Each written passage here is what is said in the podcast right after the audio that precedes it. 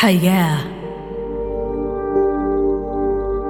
لما سألت أكثر من حد شو أكثر مشكلة بتعانوا منها وإنتوا بتربوا أطفالكم لقيت إجابتهم بالإجماع إنهم مش عارفين يتحكموا بالأفكار والسلوكيات اللي بيكتسبوها أولادهم من السوشيال ميديا.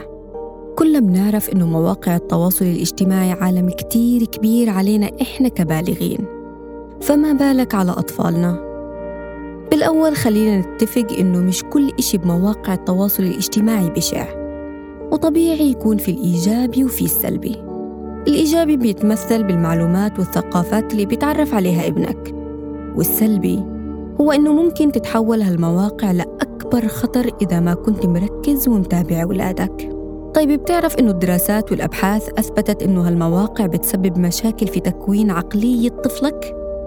اللي هي زي قلة الاستيعاب والتركيز والميل للعزلة والإدمان وإعاقة التواصل مع العالم الخارجي إنت هل جيت بتسأل نفسك شو ممكن أعمل عشان أبعد خطر السوشيال ميديا عن أولادي؟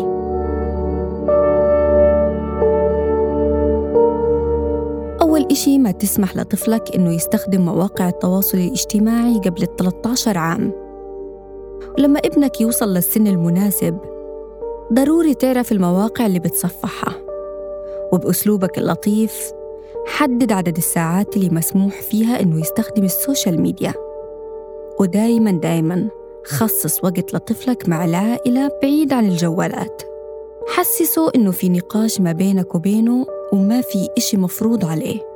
وبطريقة ذكية بإنك بدك ابنك يعلمك كيف يستخدم هالمواقع بتقدر تعرف لوين وصل باستخدامه لإلها.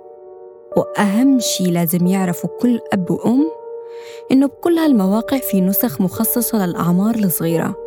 ممكن تحدد من خلالها شو اللي ممكن ابنك يتابعه. وبهيك بتكون سيطرت على استخدام ابنك لمواقع التواصل الاجتماعي.